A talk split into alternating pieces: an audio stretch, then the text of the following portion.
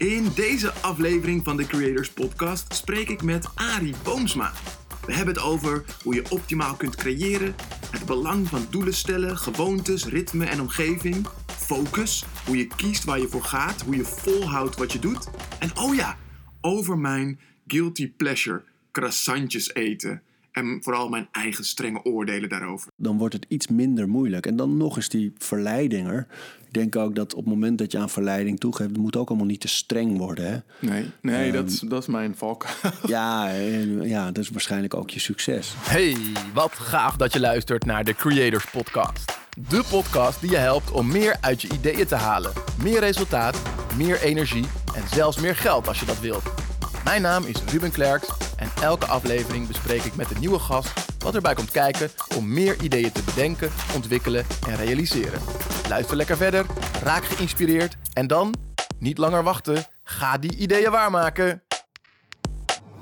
In deze aflevering spreek ik met Arie Boomsma. Ja, wie kent hem niet?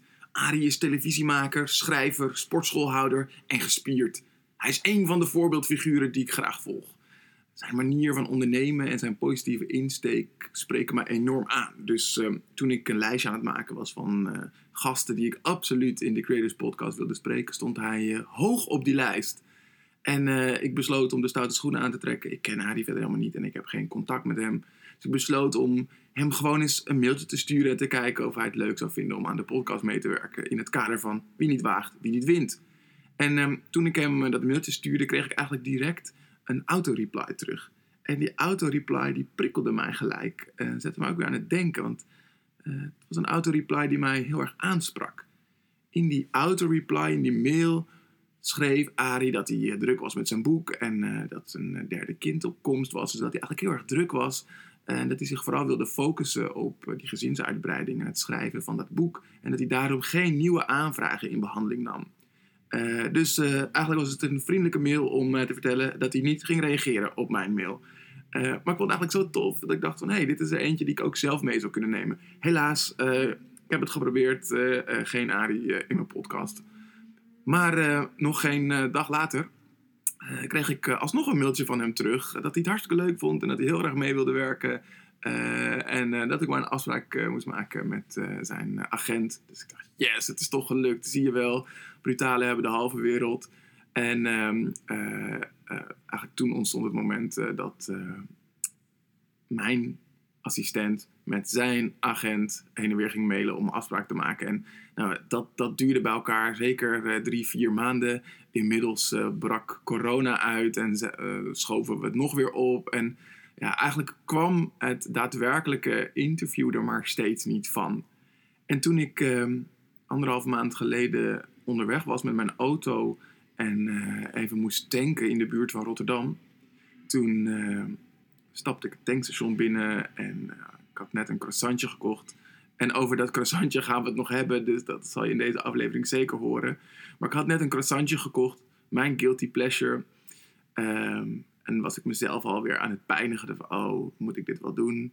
Toen Ineens stapte daar Arie Boomsma binnen in het tankstation. Ja, geloof het of niet, dat is echt waar. En ik dacht, ja, dit is gek. En we hebben elkaar nog nooit gezien. Ik heb alleen uh, één keer met jou gemaild. En daarna hebben onze agenten en assistenten het uh, overgenomen. Uh, maar dit is het moment. Ik moet je aanspreken. Dus ehm, ik trok Arie aan zijn mouw. En dat is iets dappers om te doen, want hij is echt groot. Hij gaf me een box en hij zegt: Hallo. En ik zeg, ja, je kent mij niet. Uh, maar ik heb jou toen een mail gestuurd voor podcast. Ik legde het hele verhaal uit. En ja, hij, wist het nog. Ja, zeker wel. Wat vet. Hebben we nog geen afspraak kunnen plannen? Dan zeg ik, nee, het is er steeds niet van gekomen. nou, laten we dat dan gewoon gauw doen. en um, laten we de koe bij de hoorns vatten. En zo kwam dat interview er uiteindelijk echt. En ehm, afgelopen week, de dag van de presidentsverkiezingen in Amerika was het dan eindelijk zover en uh, spraken we elkaar in Amsterdam voor dit interview. Maar waar hebben we het dan over? Waar kun je naar gaan luisteren in deze aflevering van de Creators Podcast? We hebben het samen over hoe je doelen stelt, hoe je focus houdt als je zoveel verschillende dingen tegelijkertijd doet, hoe je kiest waar je voor gaat, hoe je volhoudt in wat je doet. Oh ja, en over mijn ongemanierde tafelgewoontes, over die croissantjes onder andere. En vooral mijn eigen strenge oordelen daarover. Ik denk dat je heel veel toffe inspiratie uit deze aflevering gaat halen. Dus laten we niet langer wachten en vooral gaan luisteren.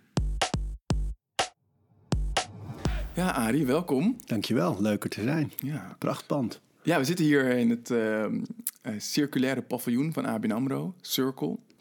Helemaal verlaten, Ja. op wat eh, medewerkers eh, na. Eh, dus super tof dat we hier kunnen zijn. Dank Ja. ook aan Circle daarvoor. Ja, en jij, jij doet ook zoveel.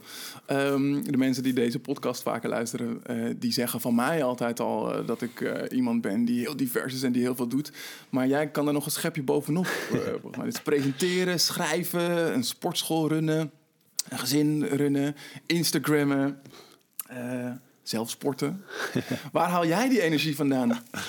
Ja, voor mij ligt het eigenlijk allemaal veel dichter bij elkaar dan het, dan het vaak lijkt. En eh, op het moment dat je werk zichtbaar is, lijkt het natuurlijk alsof er heel veel tijd in zit en heel veel uren. En eh, dan op tv en dan weer met een boek eh, promotie aan het doen. Of, en dan die gym aan het runnen, het bedrijf. Ehm, maar uiteindelijk is dat natuurlijk helemaal niet zoveel meer of anders dan gewoon werk. Ehm, ik steek niet heel veel meer uren dan, denk ik, de gemiddelde persoon in, eh, in het ondernemen. Nee, want hoe- hoeveel uur per week onderneem jij? Weet ik niet. Ehm, ik heb, eh, denk ik, zo'n 20 jaar heb ik echt gebeukt en gerend en 60, 70, 80 uur en door. Altijd zeven dagen in de week aan de slag. En eh, dat vond ik heerlijk, lange Ja? tijd. Het gevoel van ontwikkeling, iets opbouwen. Eh, ook hoe meer tijd je erin steekt, hoe meer er terugkomt... of hoe meer je het gevoel hebt, er gebeurt iets. Ik ga vooruit, er, er- ik creëer dingen en kansen. Eh, er is een ontwikkeling.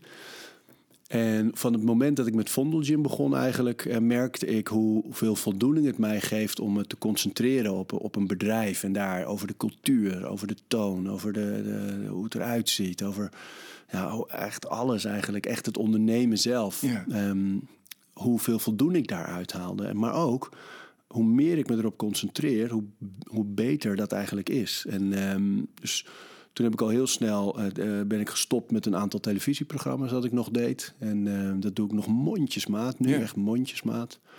En, ehm, en echt het ondernemen is, ja, dat is gewoon mijn werk. En daar zit ook de meeste tijd in. Maar ik weet dus niet precies hoeveel uren. Eh, wat ik wel weet is dat mijn dagen eh, eigenlijk redelijk rigide zijn in de structuur. Ja? Ja, ehm, die beginnen altijd vroeg. Ehm, mijn verantwoordelijkheid om de kinderen eh, aangekleed, eh, gevoed en klaar voor school te krijgen. De oudste dan, die gaat naar school, de rest nog niet. Dus dat is eh, van eh, kwart voor zes tot, eh, tot half negen, ongeveer kwart over acht. Ehm, ben ik daarmee bezig. Ja. Dan breng ik de oudste naar school. En dan zo rond negen uur begint eigenlijk mijn, mijn werkdag meestal. Dat kan thuis zijn of in de gyms. Ik probeer elke dag even in de gyms te zijn. Even los van corona-perikelen en, eh, en andere maatregelen. Ehm, dan ben ik een paar uur daar. Maar er zit ook altijd training in. En training plan ik echt als een afspraak in de Je dag. eigen training? Ja, ja dus die, eh, dat is altijd gewoon een moment in de dag... dat gewoon in mijn agenda staat te trainen. En eh, dat is meestal ongeveer een uur. Soms net iets langer, maar ook wel vaak eh, dat het 20 minuten is of een half uur... als het maar elke dag even is. En die afspraken gaan dan tot ongeveer kwart voor twee door, meestal. De dingen die ik daar doe. Ja. Dan ga ik weer mijn dochter ophalen van school. eh, vier dagen in de week, de vijfde niet. En dan ben ik smiddags thuis. Meestal ben ik dan gewoon met de kinderen. En sommige dagen werk ik dan nog een beetje. Ehm, maar ja, dat is een redelijk vaste structuur. Ja, wauw. Ik probeer zo min mogelijk s'avonds te werken. Dus ik neem geen opdrachten, zelden opdrachten aan voor in de avond. Ja. Ehm, lezingen, presentaties en zo. Als het dingen zijn die overdag zijn, vind ik het heel leuk. Als het s'avonds is, dan doe ik het eigenlijk nooit meer. En ehm, dus daar is heel veel in veranderd. En, eh, en, en als je het zo opsomt, eh, boeken schrijven, ondernemen, televisiedingen doen, eh, lezingen, presentaties, trainingen geven. Dat, dat lijkt veel, maar bij mij is het allemaal rond sport en gezondheid nu. En heel af en toe pak ik een maatschappelijk thema, maar eigenlijk is alles sport en gezondheid. En Ja. daaromheen ontstaat wel veel en dat lijkt dan ja, meer. Maar het is voor mij één ding. Ja. En ontstaat die creatie, alles wat jij creëert, vanuit die structuur? Ja, ehm, mijn ideeën.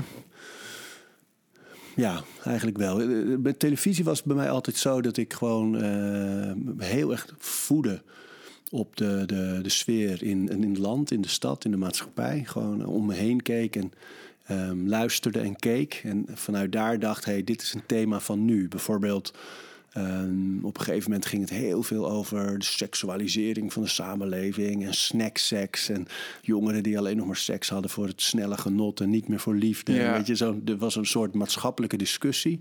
Toen dacht ik, ah, dat is een thema om een programma over te maken. Of toen het op een gegeven moment over, eh, over gender heel veel ging. Hè, wat is man, wat is vrouw? Ehm, dacht ik, ah, hij, is en zij, de, over Ja. transgenders, een serie. En dus toen voedde ik altijd heel erg daarop.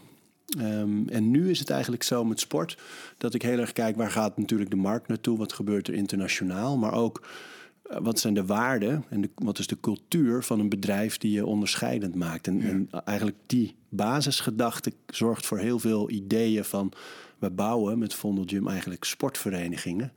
Dan kun je een sterke community met, met goed met aandacht en kwaliteit en, eh, en heel veel extra's eigenlijk, die eh, ja, misschien andere sportscholen niet doen. Maar vanuit die gedachte van ik wil dat het altijd net anders is dan anderen. En ik wil altijd dat contact, mensen, aandacht eh, voorop staan. En, eh, Want dat ja. is wat Vondel Gym anders maakt dan andere gyms. Nou ja, dat is één ding. Maar het andere is dat de disciplines, crossfit, kickboksen, hardlopen, yoga en gewoon fitness, dat die allemaal onder één dak in één ruimte plaatsvinden. Dus niet in aparte zaaltjes. De yogaruimte is weliswaar van glas, hè, daar moet je wel wat eh, rust kunnen creëren. Ja. Ehm, maar, maar je voelt in die hele gym voel je de energie van de rest. Dus als jij in een zaktraining op een bokszak staat te slaan met, met eh, 30 anderen, eh, dan is naast jou een crossfitles bezig met ook 20 mensen. En, en op het, op het, in het horecagedeelte op het hout staat een groep te verzamelen om buiten te gaan hardlopen samen. En in de yogaruimte is ook iets bezig. En zijn mensen vrij aan het trainen in de fitness. Dus je voelt bijna als in een soort Spartaanse opleidingstuin voel je de energie in die hele gym dat je, je moet bezig zijn daar. Ja. En er is wel ruimte om, om lekker te werken en te blijven hangen en even lekker te eten en zo in het horecadeel. Maar zodra je in die tuin stapt eigenlijk, in die gym, dan is het gaan en eh, weinig tijd voor, eh, voor kletsen of selfies of eh, wat voor andere dingen Dat dan goed. in Dus gyms daarmee gebeuren. creëer je ook eigenlijk die stok achter de deur of die duw in de rug om ook echt te sporten en aan je lichaam te Ja, werken. ik, ik denk dat dat ook echt is wat mensen in die eh, quarantaineperiode het meest eh, hebben ervaren. Dat je, je komt een heel eind als je gewend bent alleen te trainen. Dus als je een hardloper bent of een duursporter en je bent gewend, dit moet ik zelf doen, dan, dan is er geen probleem. Maar, maar al die mensen die gewend waren aan verenigingen of sportclubs of gyms, ja, die waren ineens op zichzelf aangewezen. En dan merk je pas wat een voordeel het is als je in een community of in een, in een omgeving stapt die eigenlijk meestuwt omhoog. Van hier is iedereen bezig met iets. Oh ja, ik stap daarin en ik word een beetje meegedragen. Hoe, hoe belangrijk dat is. En Ja. dat verschilt natuurlijk per onderneming en bedrijf. In hoeverre dat echt positief en bemoedigend is. Nou, en ook de- het klinkt ook als iets laagdrempeliger, laagdrempeligers dan met een personal trainer bijvoorbeeld werken. Ik, ik weet Ja. van mezelf, ik heb zo'n personal trainer nodig. Ja. Dan, moet ik elke week moet ik, eh, moest ik op woensdagochtend eh, in, de, in de gym verschijnen. Ja. Maar toen corona uitbrak en eh, de gym eh, daar dicht ging en ik dus niet meer met hem ging trainen, merkte ik ook dat langzamerhand eh, mijn andere sessies ook steeds minder werden. Tot ik gewoon eh, tot afgelopen maandag, want ik dacht als ik Arie ga interviewen, dan moet ik iets aan sport doen. Ja, jij Eh, hebt de ALO gedaan. ja, ja. En dus dat, dat- dan merkte ik van, ja, als dan die stok achter de deur weg is, dan wordt het, wordt het ook moeilijker om het vol te houden. Dat sprak me Ja. overigens ook zo aan in jouw boek Fit. Leuk. In je, eigenlijk, is dat je voorlaatste boek of heb je daarna? Nee, ja, eh, ja dit is het. daarna is nog een, een eh, een bundeltje met eh, kindergedichten gekomen... Oh, ja. die ik met mijn vrouw heb samengesteld. Dus gewoon verzameld. Maar eh, mijn eigen boek was dit de, de laatste. Ja. Ja. die, eh, en die nu uitkomt, eh volhard. Dat is de volgende. Dat is eigenlijk een vervolg op Fit. Ja. Ja. Ja. want als we, als we eerst even terugkijken nog naar Fit, ik wil straks Ja. zeker ook over volhard het hebben, want ik ben echt super blij dat je, dat je ik, ik weet nog niet waar het over gaat, maar ik denk te weten waar het over gaat. Ik hoop dat het gaat over waar ik denk dat het over gaat. Daar kom ik zo op terug. Maar eh, fit, wat ik er zo fijn aan vond, was dat, het, dat je dingen heel klein en praktisch maakt. Of oké, hoe kan je dit nou volhouden? Ehm, en een van de redenen waarom ik jou heel graag ook wilde interviewen, is omdat ja, je bent toch ook voor heel veel mensen zo'n soort van voorbeeld, plaatje waar mensen dan eh, tegenop kijken. Oké, ja, als ik dan ga, als ik dan naar de fitness ga, dan wil ik worden zoals, uh, zoals Ari. Ehm, maar ik heb het idee dat heel veel mensen alleen maar naar dat eindplaatje kijken. Ja. Als dat heel veel jongeren willen tegenwoordig ook ondernemen, maar ze willen niet ondernemen. Ze willen rijk zijn, ze willen een succesvol bedrijf hebben. Mensen willen niet sporten, maar ze willen een lekker lijf kop. hebben. Spijker op zijn kop. Dat is echt inderdaad... Mensen willen het eindstation, maar zijn vaak niet bereid het leven te leven dat je bij dat eindstation brengt. En ja, wat, wat, wat kijk, we hadden het net over omgeving. Dit is, uiteindelijk is het altijd simpel eigenlijk, op papier dan. Hè? Er is een doel, dat doel moet goed geformuleerd zijn en duidelijk. Dan is er gedrag, gewoontes, die dat doel eigenlijk eh, steeds maar voor ogen houden, die op dat doel gericht zijn. En dan is er een omgeving die dat gedrag en die gewoontes in stand houdt of bemoedigt. Als die drie dingen kloppen, dan lukt het. Ja. Duidelijk doel, gedrag of gewoontes die op dat doel gericht zijn... en een omgeving die het gedrag en die gewoontes in stand houdt of bemoedigt. Dan, dan lukt het. Maar waar het meestal misgaat, is dat mensen inderdaad dat doel al niet duidelijk voor ogen hebben. Dan roepen ze, ik wil een sixpack. Dat is geen doel, dat is een gevolg eigenlijk. En eh, als je dan vraagt, maar waarom? Ja, dan, dan wordt het interessant. Want dan gaat er vaak natuurlijk iets psychisch spelen. Dat mensen, eh, zoals zo vaak nu, denken... eh, als ik er zo uitzie, dan word ik gelukkiger. Ja. Of eh, als ik er zo uitzie, dan, dan brengt me dat dit. Of dan voel ik me beter. Of, en dat is natuurlijk allemaal niet zo. Het kan bijdragen aan je zelfvertrouwen als je goed getraind bent en fit. En dat je misschien wat veerkrachtiger of optimistischer bent als je lekker beweegt. Maar het uiterlijk is natuurlijk eigenlijk altijd maar een gevolg van wat je doet. En helemaal niet iets dat je eh, zoveel beter laat voelen. Nee. Als doel dan, Precies. bedoel ik. Want wat is bijvoorbeeld een reden dat jij zoveel sport? Nou, ik heb echt van, van kinds af aan eh, altijd veel gesport. Ehm, en zo in de jaren tachtig al ehm, gevoeld en gezien hoe mooi het is als je traint, oefent, eh, dingen doet om beter te worden, dat dat inderdaad ook echt zo werkt. Dus voor mij was bijvoorbeeld het, het, het zien van de Rocky-films, dat hij dan altijd zo Trap op rent. ja, maar, ja maar, maar wel precies dat. Die trap oprent. En dat was dan een soort romantische scène. Maar dat wat daaraan vooraf ging. Dus je staat ergens. Je bent niet waar je misschien kan zijn. En je denkt, oké, ik ga in isolement. Ik ga me terugtrekken. Ik ga trainen. Ik ga oefenen. Ik ga beter worden. Ik ga doorzetten. Ik ga groeien. En dan kom je ergens. En, eh, en dat sprak me zo aan. Dat ik meteen een krantenwijkje eh, eh, met, mijn spaargeld een, een kettlerbankje kocht. Oh, ik dacht je een beetje. Krantenwijk rennend gaan doen met Ja. zo'n muts op en een sjaal om je nek. Ook. Ja. Ook. Ehm, maar dat was één ding. En het tweede is dat ik merkte, met name in de jaren daarna, want dat was veelal nog onbewust natuurlijk, maar in de jaren daarna, eh, ik ben gaan basketballen in Amerika voor eh, eerst high school en daarna college. En toen merkte ik dat al die uren die ik in mijn eentje stond te oefenen, dat ik dacht, ik moet net zo goed met links kunnen schieten als met rechts. Ik, wil, ik ging met die bal slapen, ik ging eh, het, spel bestuderen, veel video's kijken, bij anderen kijken. Eh, oefenen, oefenen, oefenen, trainen, trainen, trainen, informatie eh, inwinnen. Kijken wat voor krachttraining ik moest doen om hoger te springen, sterker te worden. Wat moest ik eten om zwaarder te worden? Weet je, op die manier eigenlijk kijken naar trainen. En toen merkte ik daar voor het eerst de parallel met de rest van het leven in sport. Ik stel een doel, ik moet dingen doen om dat doel te bereiken. En ik moet doorzetten als het een beetje zwaar wordt of tegen zit. Al die, die Ja. metaforen eigenlijk, die, die zag ik ineens op zijn plek vallen, op hun plek. En nu is het eigenlijk zo dat ik gewoon kijk, wat heeft mijn leven nodig? Dus bijna alsof je naar topsport kijkt. Een topsporter moet op een bepaalde manier trainen. Eh, als je kijkt naar jouw werk of naar mijn werk dan, en, en, en hoe ik leef, dan kan trainen een bepaalde ondersteuning bieden. Dus, dus voor mij is het kijken naar hoe kan trainen mij helpen in de rest van het leven? Hoe kan het Ja. ervoor zorgen dat ik de juiste energie heb? Dat ik eh, oud word zonder pijntjes? Eh, dat ik er een beetje eh, fit en goed uit blijf zien? Dat ik energie heb om met mijn kinderen te spelen? Na Ja, vooral dat vond ik een hele pakkende. Weet je, dat je dan opeens realiseert van, dat, je, dat, dat je soms aan het eind van de dag gewoon moe bent. Dat je geen energie meer Ja, hebt. Dat je, niet- dat je niet man. genoeg energie hebt om met je kinderen een, een leuk einde van de dag te maken. Ik wil tegen mijn kinderen gewoon altijd ja zeggen. Papa, we mogen op de draak. Weet je, dan kruip ik over de vloer en zitten ze op mijn rug. Dan ben ik de draak. Eh, gaan we klimmen? Gaan we nog even naar buiten? Gewoon ja, ja, ja, wil ik kunnen zeggen. En dat, Ja. daar gaat het grotendeels om. En, en verder, ja, trainen is eigenlijk gewoon bewegen. Dus alle bewegingen die ik de hele dag maak, die, eh, nou, die maak, maak ik optimaal. eh, Ja. En die train ik eigenlijk in de gym. Maar het gaat vooral om energie, kracht, Ja, want dat, want, dat vond ik dus leuk wat je in Fit beschreef. Dat je, mm, dat je ook dus gewoon in je dagelijkse bezigheden die oefeningen kan verwerken. Dus daar heb ik hem eh, kostelijk om vermaakt. Volgens mij las ik het boek eh, anderhalf of twee jaar terug. En toen gingen wij eh, net op vakantie naar Menorca.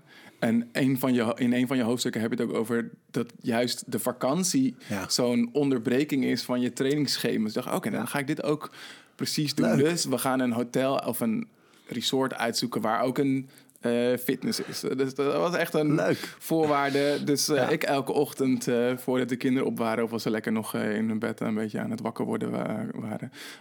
naar die fitness en een beetje zwemmen.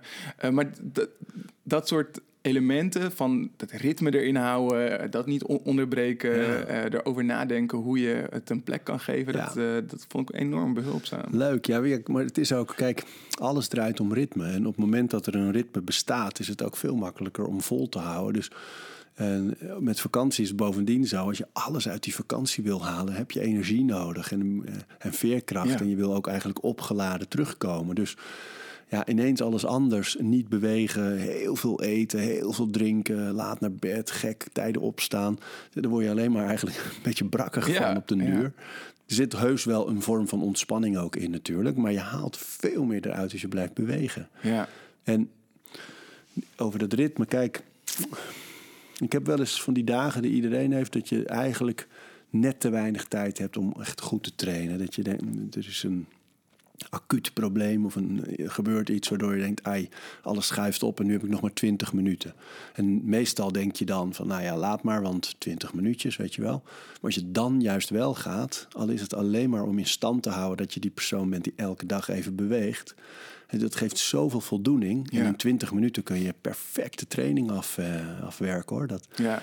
en, en ja, ik, is een voorbeeld dat ik wel eens gebruik van een vrouw die in de gym kwam en, en een kopje koffie bestelde en een beetje rondkeek en weer wegging. En, eh, en de volgende keer kwam ze weer en dan nam ze een ACI-boltje. Ze keek wat rond en er was een keer dat ze op een loopband ging staan. En, en als je dan vraagt van wat is het idee daarachter, van, dan was haar antwoord: ik wil eerst die gewoonte, want ik krijg, Ja. krijg die nieuwe prioriteit nu niet tussen al die andere prioriteiten in mijn leven. Dat, daar heb ik nu de ruimte ja en daar de geloof tijd ik voor. ook zo in. Maar Ja. eerst die gewoonte en daarna ontstaat het wel. En eh, zorg maar dat het lukt. Een beetje die tiny habit eh, movement. Ja. Als, je maar, als je maar elke ochtend eh, begint met je hardloopschoenen aan te trekken, dan wordt Ja. het vanzelf Ja. makkelijker om te gaan hardlopen. Ja, of slaap in je hardloopkleren. Ja. Of weet je, ja, de drempels wegwerken. Die, je hebt dat hele mooie voorbeeld van als je nadenkt over het roken hè, in onze samenleving. Van, waar ze al zo lang tegen aan het vechten waren en aan het waarschuwen. En, en eigenlijk weinig werkten. En op het moment dat ze een soort frictie creëerden. ehm, bij, door, door het roken vooral duurder te maken. Dat was een Ja. hele belangrijk. Het lastiger te maken. Dus je moet, het lag niet meer in de schappen, maar je moet nu echt iemand vragen om een pakje sigaretten. Dat is, kan confronterend zijn. En die stap dat het in de publieke ruimte grotendeels verboden is. Had je, toen had je ineens allemaal dingen die Ja. het heel lastig maakten om die gewoonte nog vol te houden. En de andere kant op werkte net zo goed. Er zijn heel veel dingen die je kunt doen om een gewoonte eh, minder eh, moeilijk te maken. Dus dingen, groenten op het zicht leggen bijvoorbeeld. In plaats van in dat vak in je, vrie, in je, in je Ja, ijskast. er komen natuurlijk wel superveel com commerciële aspecten ook nog bij eh, kijken. ja, want waar, want is zo'n simpele oplossing inderdaad, dat van die groenten. Maar Ja. volgens mij was het vo- vorige week nog in, in het nieuws dat, dat, dat die supermarkten, dat de grote supermarkten toch nog maar mondjesmaat dat, dat doen. Hè? Dat ze dat snoep bij de kassa Ja. hebben vervangen door gezonde artikelen. Terwijl er toch een afspraak was die ze Ja. hadden, hadden gemaakt. Ja, maar ik hoorde gisteren ook wel iets interessants. Dat was in die, eh, je hebt zo'n podcast, podcast ehm, The Happiness Lab van Laurie Santos. Dat is die vrouw, is een Yale-professor. En die podcast is leuk, zo'n half uur afleveringen, steeds over één onderwerp. En zij eh, heeft ook aan het begin van de crisis heeft zij een gratis Yale-college online gezet. En ehm, echt een, nou, kan je gewoon college, een, een Yale college kan je vo- volgen, eh, gratis. Meer dan 3 miljoen mensen hebben dat ook gedaan. Wow. En eh, het gaat echt helemaal over well-being, over ja, blij zijn, gelukkig zijn. Ehm, maar zij noemde een heel mooi voorbeeld van een onderzoek dat sinds de iPhone de verkoop van kauwgom zo eh, gezakt is. Om- omdat mensen bij de kassa eh, in die telefoon Oh. duiken. Dus de, die, die observatie van, van dat snoep en die, eh, die kauwgom die daar altijd ligt... dat is veel minder sterk, die, die signalen van... hey, koop mij, koop mij. Want mensen duiken in dat ding. Ja, daar kan je ook van alles over zeggen, maar in dat opzicht... Ja, oh. Dus die truc van dingen bij de kassa werken... en dan kom je eigenlijk weer op dat stukje omgeving. eh, dat, Ja. je, dat je daar ook kleine tweaks in, in Ja, kan man. maken. En als je thuis ook kijkt, jongen, Ja. Ook hoeveel dingen je kan creëren eigenlijk om het jezelf wat, wat minder moeilijk te maken of makkelijker te maken. Veel hoor. Ja. Nou, deze podcast gaat over creëren. Over, je, over meer met je ideeën doen. Ehm, wat, wat doe jij om je omgeving zo in te richten dat jij optimaal kunt creëren? En voor mij is stilte heel belangrijk. Dat ik ehm, altijd merk. Het grappige is als ik bijvoorbeeld. eh, ik breng het liefst mijn kinderen. eh, met, ik heb zo'n bakfiets, zo'n elektrische. eh, naar school. Waarom moet je daarbij lachen? Nou ja, het blijft een beetje een bakfiets natuurlijk. Oh, jij bent zo'n Ik ben ineens zo'n bakfietsouder geworden. Amsterdam, met je ja, bakfiets. eerder altijd een beetje om moest lachen. En dan, maar Sto- eh, en heb je ook al tegenover je vrienden hartstochtelijk zitten uitleggen waarom het toch wel handig is? Ja, Ja. zeker. Maar ik heb dat ook eerlijk gezegd, zei ik dat al heel snel. Ook voordat wij kinderen hadden, zei ik zo'n bakfiets eigenlijk wel handig hoor. Ook voor je sporttas en andere dingen. Maar uiteindelijk als je kinderen krijgt, kies je voor sommige praktische dingen. En als het dan lukt om een tof praktisch product te vinden, Ja. dat ook mooi vormgegeven is en gewoon goed werkt en een beetje origineel is, dat dan, nou, dan eh, zie ik geen obstakels meer hoor. Het maakt me niet zoveel uit wat mensen daarvan denken. Maar ehm, als ik dan terugfiets eh, in mijn eentje en ik zet even geen podcast of muziek op of zo, ik kom altijd terug met een idee na stilte. En, eh, of iets waar ik al een tijdje over nadenk, dat dan ineens, weet je, die inval, die, waar mensen altijd van zeggen, ik, ik stond onder de douche Ja. en. Maar die stilte, die zoek ik ook wel bewust op om die reden. Dus Ja. wandelen ehm, zonder oortjes. Niet altijd hoor. Ik heb ze ook wel eens, vind ik soms ook heerlijk om juist wel ergens naar te luisteren. Maar ik zoek wel, probeer wel elke dag stilte op te zoeken. En juist voor ideeën. Of eh, tijdens die quarantaine met elke persconferentie. eh, dan ging ik direct naar die persconferentie. Voordat ik alle berichten ging lezen van mensen en eh, van partners. Ging ik eerst even gewoon door de tuin eh, op en neer wandelen. Weet je wel? Gewoon rondjes door het Oh, gras. Gewoon even, dat was in de zomer, blote voeten, lekker door het gras. Even zelf gewoon alles plaatsen. Wat is er gezegd? Wat is er gebeurd? Wat zijn de gevolgen voor ons bedrijf? Wat zijn de gevolgen voor mij? Eh, wat wordt het nieuwe beleid? Wat wordt de nieuwe, hoe moeten we dit communiceren? Hoe, al die vragen en dat gewoon lekker over nadenken. En Ja. eh, kijken waar de kansen liggen, vooral ook in plaats van de beperkingen. Ja, want je creativiteit wordt flink op de Ja. proef gesteld in deze tijd. Ja, ik moet Dus eerlijk het is volgens zeggen. mij niet een hele fijne tijd om een sportschool te hebben. Het is gek, want ik kan niet natuurlijk ja zeggen dat het wel een fijne tijd is. Want het is, weet je, mensen gaan dood gewoon en eh, vrienden en kennissen vallen om. En eh, hele branches worden om zeep gebracht door dat virus.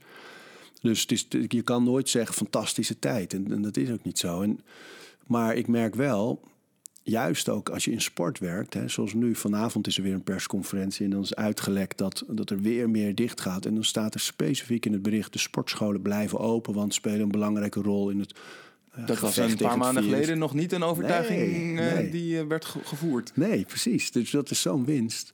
Maar wat ik, wat ik er interessant aan vind, en dus ik wil echt die schaduwzijde ook echt wel erkennen hoor. Ja. Ik bedoel, ja, we zien het. En ook voor ons is het niet altijd even makkelijk. Maar er doen zich zoveel kansen voor ook om na te denken over wie ben je, wat doe je, eh, hoe speel je in op de, op de mogelijkheden. En, en dingen die misschien al een tijdje op het vuur stonden te pruttelen, maar eh, niet, niet echt aan de kook raakten, zoals eh, online begeleiding. Wat doe je allemaal online met je merk? Eh, ja, dat, dat moet nu in de stroomversnelling. Eh, het hele fenomeen Zoom vergaderen of, of Teams of wat je maar gebruikt. Maar weet je, eh, tien minuutjes, kwartiertje even zo. Dat, dat is toch wel nuttig allemaal. En ehm, voor ons ook van, van service bieden. Hè? Dus je kan eh, online zoveel meer geven Ja. nog. Van trainingen, podcast tips, docu-tips, recepten. eh, we doen Q&A's, weet je wel. Dus er, investeren in de relatie met je volgers en je community is, is, is bij uitstek nu essentieel. Want is jullie community nog even hecht Ja. eh, als eh, voor de corona? Ja, hechter denk Ja? ik. Ja, tuurlijk, ook wij verliezen mensen hoor. Landelijk gingen er 32% leden weg bij, bij sportscholen. Zo. Bij, bij ons amper 15, dus dat is wel echt goed. En eh, dat waren vooral expats die teruggingen naar eigen land. Of eh, Ja. mensen die zelf gewoon dachten... oei, mijn inkomen, mijn baan, eh, oei, even alles stop. Ehm, maar ze zijn goed gebleven. En ook nu weer, nu het best wel lang duurt allemaal... ehm, ja, merk je wel, de dingen die we doen... Dus dat we elke dag noemen we bijvoorbeeld een restaurant van eh, iemand uit onze community waar je eten kunt bestellen Oh, tegen korting. Of eh, je, dat soort dingen. Je kan die community ook inzetten nu. En, en dat bedoel ik met dat er toch wel heel veel ideeën nu opkomen. Eh, soms praktisch. Hè? Hoe kun je trainen met attributen thuis? Stoelen, pannen, handdoeken enzovoort. Maar ook gewoon op die manier van hoe kun je een community, als je die hebt, inzetten om elkaar te steunen en om eh, ja, echt, echt het kumbaya-gevoel Ja. eh, te creëren, zeg maar. Is dat ook een maatschappelijk vraagstuk wat je nu aandacht geeft? Want je zei eerder dat je toen je nog Ja. meer actief was in de televisiewereld, dat je zeg maar, steeds zo'n maatschappelijk vraagstuk probeert te vinden en daar Ja. iets, mee, iets mee te doen? Ja, voor mij gaat het wel heel erg nu over. Kijk, ik merk. Sport is voor mij nu veel meer dan alleen die onderneming. Omdat voor mij sport is, is een van de weinige dingen in onze samenleving. Samenleving die op shuffle staat. In alle opzichten van ons leven staat, staat alles op shuffle. Eh, Sport is een van de weinige dingen waar je nog oefent een doel te stellen, ergens doorheen te moeten bij tegenslag of misschien zelfs een beetje een pijn of eh, toch eh, door te zetten.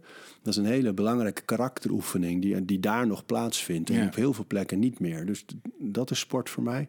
Sport is voor mij natuurlijk eh, nu voor mensen zorgen dat je niet depressief wordt, dat je niet gaat lopen somberen, dat je eh, veerkrachtig en optimistisch blijft. Dat is sport. Sport is wat je fysiek sterk houdt, ook eh, goed, goed ouder worden en sterk blijven. Ehm, en sport is een verbindende factor. Weet je? Het is eigenlijk op dit moment in onze samenleving een van de weinige uitjes die je kunt Ja. hebben. Dat je nog met groepen in een gym mag staan. Dus, dus dat, al die factoren die worden nu echt uitgelicht eigenlijk in, eh, in, in belang, in urgentie. Ja. Dus ja, het is, het is toch, ondanks alles, ook een mooie tijd. En ik denk, dat is wel ook wel een taak, denk ik, van, van een optimist op dit moment. Is te kijken van, ja, er zijn heel veel beperkingen en er zijn heel veel... Maar dat sikkeneuren en dat eh, klagen daarover heeft nog nooit ergens toe geleid. Sterker nog, eh, dat wordt ook een gewoonte. Ja. En, en, en even, ik heb echt ook in zak en as gezeten dat ik dacht, oei. Stel je voor dat zo'n mondiale crisis tot gevolg heeft dat het hele fenomeen massa en drukte en volle zalen, waar wij altijd op geleund Ja. hebben in onze moderne samenleving, dat dat niet meer bestaat straks. Ja. Dus dat, Ja. eh, Ja, wat doet dat? Ja. Ja, dus, Nou, wat ik daarin wel interessant vind.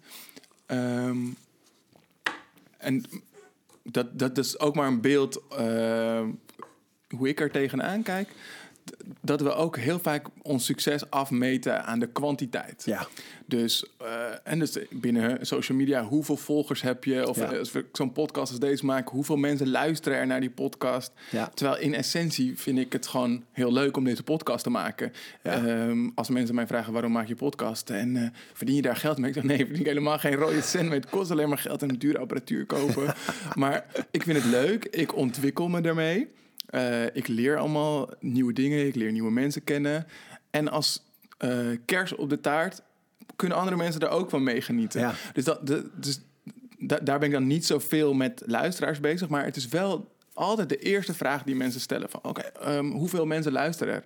Daarom vond ik ook tof dat jij ook aan deze podcast meewerkt. Want als je mij afzet in het podcastlandschap... dan ben ik miniem.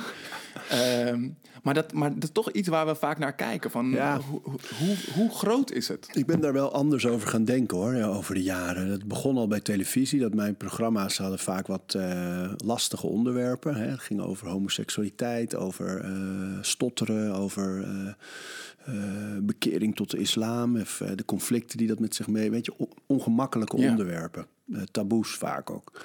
Dus daar kijken nooit een miljoen mensen naar een aflevering. Als je er vijf of eens een keer 800.000 hebt, dus dat is heel veel. Meestal drie of 400.000. Is, is nog steeds heel veel, maar voor televisie, moi. Ehm, dus daar begon dat al bij mij. Dat ik dacht soms, ik heb, dit is echt een hele mooie aflevering. En er is iets heel moois gebeurd in dat leven. En iedereen die dit, zit, die dit zit, ziet, zal anders kijken naar niet alleen deze persoon, maar dit onderwerp. Of, Ehm, en dat is waardevol. En daar dan op te durven leunen, terwijl inderdaad anderen om je heen het succes meten aan. Ja. En hoeveel mensen eh, ja, ben je genomineerd voor, eh, weet je wel. Eh, dat is extern. En het is heel moeilijk om dat los te laten. En met social media word je natuurlijk voortdurend nog eens geconfronteerd met al die externe Ja. factoren. Ja, en binnen televisieland heb je het ook natuurlijk ook niet altijd zelf in de hand. Nee. Kijk, jij, jij kan nu voor je bedrijf een eigen keuze maken eh, wat voor, wat voor weg je gaat en Ja. waar je je succes aan afmeet. Maar het ligt dicht bij elkaar. Want wij hebben nu. Kijk, ik kies nu heel erg duidelijk voor. Bijvoorbeeld, we hebben nu met de gym net eh, eh, boeken. Zijn we nu aan het uitgeven samen met een uitgever, Prometheus. Eh, dat zijn dan boeken met specialisten die bij ons werken. Bijvoorbeeld Sterker Zwanger, een boek over eh, trainen eh, richting je zwangerschap en na je bevalling. Een boek over eten voor duursporters. Een boek over de basis van krachttraining. Weet je wel, allemaal dat soort boeken. En dan mikken we allereerst op eigen community. En die community is dan wel breder dan de leden. Dus we hebben zo'n 6000 leden, maar we hebben zo'n 25.000 volgers. Daar mikken we op. Dus die Ja. community wil ik bedienen. En dat zijn er meer dan genoeg. Ik bedoel, de meeste mensen verkopen nog geen 3000 boeken. Nee. Dus laat staan dat je, stel dat je er 5 of 6000 uit de community kan bereiken, dan doe je het hartstikke goed. En dat is voor mij een heel belangrijk inzicht geweest. Dat ik dacht, en daarom vind ik het dus ook leuk om ook met jouw podcast eh, eh, mee te doen. Gewoon. Voor mij gaat de ontmoeting, het gesprek, eh, is belangrijker. En de Ja. mensen die luisteren, ja, die zijn misschien enthousiast over waar je over vertelt. En, en dat is een hele directe vorm van contact. Ja, En die vind ik deze jaren belangrijker. Dus als ik nu iets maak, zit, zit de voldoening eerst in het maken. Daarna zit de voldoening heel direct in een groep mensen die dat op dat moment ervaren. En dat hoeft geen enorme groep te zijn. Tegelijkertijd is het wel leuk als iets ontploft. Zoals, dat boek Fit dat hiervoor op tafel ligt. En daar hebben we er uiteindelijk 80.000 van verkocht. Dat is echt heel veel. En het is over de jaren bleef maar gaan. ja, En eh, dan ben ik wel heel trots en blij natuurlijk dat dat gebeurt. ja. Maar het is niet het doel. Het is, een, het is heel fijn als het gebeurt, maar ik, ik neem er absoluut genoegen mee als ik een directe doelgroep kan vinden. Eh, hetzelfde is met sportscholen dat ik nooit geloof in concurrentie of competitie in, in, in het land en in deze stad. Er zijn meer dan genoeg mensen om elke gym maximaal te vullen. Dus het gaat Krijg veel ik, meer. Precies, krijg eerst maar eens met z'n allen al die gyms vol. Ja. Dan ben je met elkaar super succesvol. Ja, maar dan weet je dat met welk product je ook bezig bent. Het gaat erom dat je een doelgroep vindt en die zo goed mogelijk bedient. En laat dat er een paar zijn en uitgroeien tot. Dat kan, maar, maar die te bedienen. En dus ook heel duidelijk te zeggen: dit is niet voor iedereen soms. Nee. Weet je wel, iedereen is welkom, maar dit is niet voor iedereen. Dat moet je ook durven, durven Ja. zeggen over een product. Ja, en het werkt over het algemeen ook beter. Ja. Do- do- doordat het dan duidelijk wordt voor wie het is.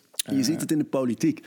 Dat, dat al die politieke partijen nu de massa willen. Die willen voor iedereen. Ja. Terwijl kiezen en duidelijk zeggen... nee, wij vertegenwoordigen deze groep. Dat zijn er meer dan genoeg. Echt Ja. meer dan genoeg. Nou, en dat is ook waar ze eh, elkaar natuurlijk kwijtraken. Want Ja. als je elke vier jaar voor een andere gemiddelde doelgroep eh, Ja. bent, Ja. dan is het moeilijk om je ergens op te richten. Ja. En als je het hebt over dat, over dat doel, hè?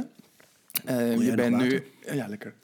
Je bent nu eh, aan het afronden eh, met je volgende boek. Ja, vol hard. Heb je behalve het afronden van dat boek nog een doel daarin gesteld? Ehm, ja, kijk, wat ik leuk vind deze jaren is eh, rond zo'n boek een presentatie bouwen. Dus dat ik een. eh, bij Fit was dat een combinatie van een presentatie en een training, een eh, fysieke training bedoel ik dan. Ehm, dus dan vertelde ik vaak een half uur over eigenlijk de inhoud van dat boek. En het, weet je, kleine aanpassingen maken in je leven die tot grote veranderingen Ja. leiden. En, en dan daarna gingen we bewegen, gingen we trainen. Eh, dat was die presentatie. En nu ben ik met vol hart weer aan het denken en aan het eh, puzzelen eigenlijk, eh, aan het creëren. Om een, een leuke presentatie rond dat boek te bouwen. En wat ik dan meestal doe, is dat ik eh, met, met degene die het dan boekt, ehm, afspreek dat ze een, een, bepaald aantal van die boeken afnemen als ik daar kom. Eh, dus soms spreek ik eh, een fee af en eh, soms een fee en het afnemen. Maar eigenlijk altijd wil ik, wil ik dat de mensen die komen dat boek meekrijgen. En dat de organisatie dat regelt. Ja. Ehm, eh, en dat ben ik nu ook weer aan het doen, maar daar ben ik nog niet helemaal uit. Omdat, kijk, als het gaat over volhouden en volharden dus. ehm, je hebt in dat boek grote lijnen, maar het is natuurlijk heel specifiek per leven. Dus ik, ik draag in dat boek heel veel tips en tricks aan over allerlei situaties waarin eh, ja, dat doel stellen, die gewoontes creëren, eh, dat gedrag Want, want even voor de, voor, de, voor de duidelijkheid, gaat het over volhouden in sport? Of trek je ook de parallel naar volhouden in het leven? Ja, die parallel is er wel. Kijk, ik schrijf vooral over sport en gezondheid. Dus eh, dat gaat toch, voor mij gaat gezondheid altijd over beweging, voeding, slaap. Slaap is hoofd eigenlijk. Hoofd, herstel, focus. Ehm, meditatie zit daar ook in. Die drie dingen, het hoofd, de voeding en de beweging. Daar gaat het altijd eigenlijk over. En eh, de parallel is wel te leggen. Ik zeg zelfs een paar keer heel duidelijk: het gaat over sport en gezondheid, mijn voorbeelden. Maar eh, de parallel is goed te leggen naar: stel je wil de Spaanse gitaar leren spelen, of je wil stoppen met roken, of je wil meer groente eten, of je wil eh, al die dingen, ja, die horen daar wel bij. Ja. Ja. Wat, wat is nou echt een inzicht wat je hebt opgedaan tijdens het schrijven van dit boek, waar je op voorhand misschien niet zo over had gedacht? Nou, dat is dat hele fenomeen van allereerst hoe belangrijk taal is. Dus het formuleren van wat je wil, hoe de taal die je gebruikt. En of het nou gaat over wat je jezelf, de story die je jezelf vertelt. Eh, dat is één ding natuurlijk. Dat je, eh, ja, mensen gaan meteen altijd een beetje giechelen als je het hebt over eh, self-talk. Hè, dat je het tegen jezelf. Alleen voor je hoofd is er geen verschil tussen wat je jezelf vertelt en de realiteit. Dus dat is zo'n interessante gedachte eh, en, en zo'n nuttige oefening om de dingen die je wilt doen, de ideeën die je hebt, te benoemen en uit te spreken of op te schrijven. Dat, dat, dat doet wonderen echt. Mensen kunnen de impact daarvan niet, niet voorstellen. Nee. Het is gewoon wetenschappelijk bewezen dat in jouw hoofd is er geen verschil. Vandaar dat trauma's soms ook zo hardnekkig zijn. Er is geen verschil tussen de realiteit en wat er gezegd wordt Ja. in je hoofd dan. Hè. Ehm, dat is één ding, dat taal, taal alles is. Eh, taal is de basis van alles. Of het nou gaat over het formuleren van je doelen... of over self-talk of over eh, ja, eigenlijk alles. Taal, taal, taal, daar begint het mee. Dat vond ik een belangrijke die ik misschien wel wist... maar tijdens het schrijven dacht, oh ja, ja. Ehm, dat dingen als discipline te organiseren zijn. Hè? Dus we denken vaak dat discipline een karaktereigenschap is. Maar een goed voorbeeld daarvan is dat commando's, die dan, waarvan we dan altijd zeggen: Oh, die zijn zo gedisciplineerd. Want die gaan om half vijf 's ochtends gaan ze met z'n allen rennen door het bos. En met boomstammen smijten en push-ups in de regen doen. En, maar zo'n commando gaat op verlof naar huis. En staat dan echt niet om half vijf op en gaat niet met boomstammen smijten. Dus de omgeving Ja.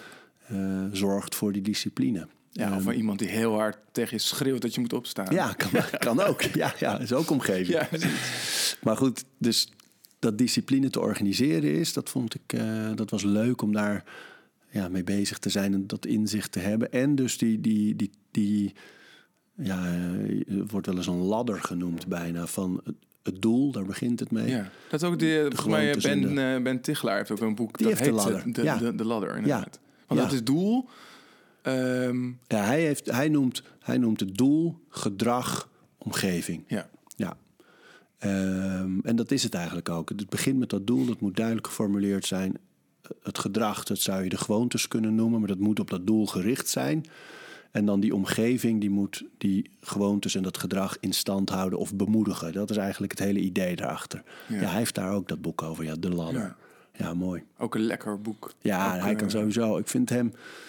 Het leuke van Ben Tichelaar is denk ik, hij is gedragswetenschapper officieel. Maar hij studeert altijd door. Hij is altijd bezig met eh, research. Met, hij heeft, als je met hem een uur praat, dan krijg je vier of vijf namen van wetenschappers. En eh, allemaal in detail heeft hij dat in zijn hoofd zitten. Hij is echt zeer, zeer goed belezen en eh, op de hoogte. Ja, ik vind het een hele goeie.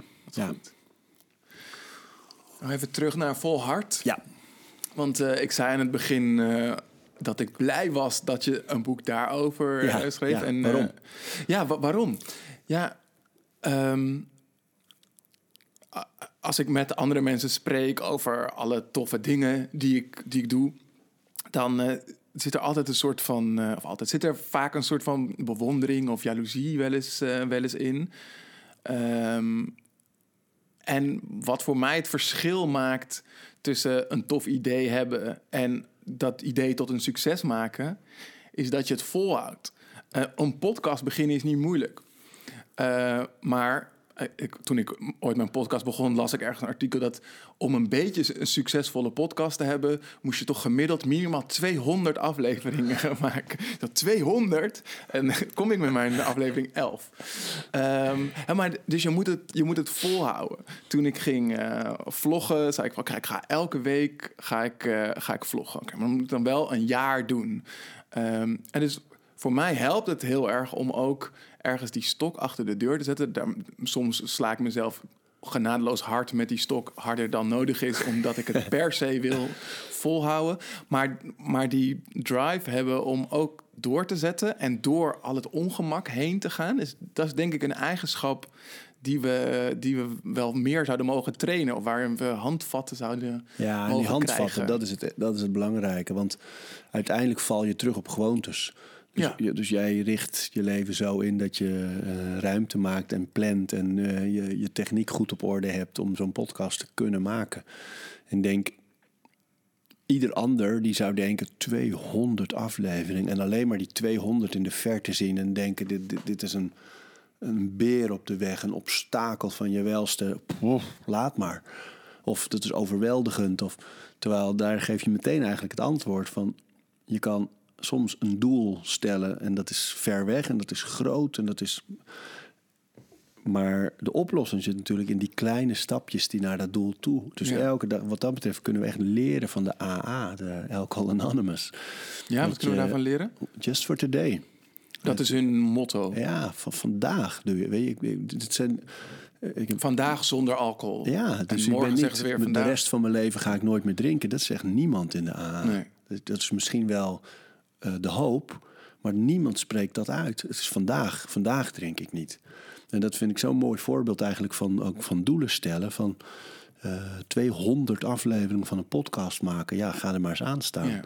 Maar vandaag maak je een podcast. Precies. En volgende week weer. En, eh, of morgen, of wanneer maar. maar en dat is met, met doelen op gezondheid ook. Van, het is niet dat je gaat...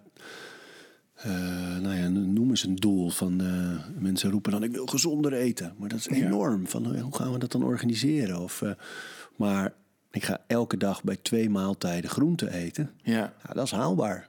En als het vandaag niet lukt, begin ik morgen weer. Weet je wel? Dat, dan wordt het Maar haalbaar. dat is ook wel, ik vind dat ook moeilijk hoor. Want eh, ik zit er heel trots over te vertellen over mijn, mijn podcast. Maar ik kom dagelijks in van die situaties dat ik denk van, oh, dit, ik ga dit niet volhouden. Ik ben ook heel goed in mezelf cheaten. Ehm, dat bijvoorbeeld, eh, eh, ik eet sinds een half jaar vegan. Ik heb toen eh, die eh, docu op eh, Netflix gezien, Game Changers. Ja, ja. Dat was voor mij ook echt een game changer. En ik weet, het is natuurlijk niet, het is niet alle kanten van het verhaal belicht. Maar ik dacht, het kan geen kwaad als ik het ga proberen. Maar dat stukje van elke dag, gewoon weer opnieuw proberen, dat, daar kom ik mezelf dan zo in tegen. Want als ik dan bijvoorbeeld. ehm, als het gaat over vegan, dat, ik kon eigenlijk daar best wel makkelijk naartoe overstappen. Behalve, ik miste zeg maar van die zoetige boterproducten.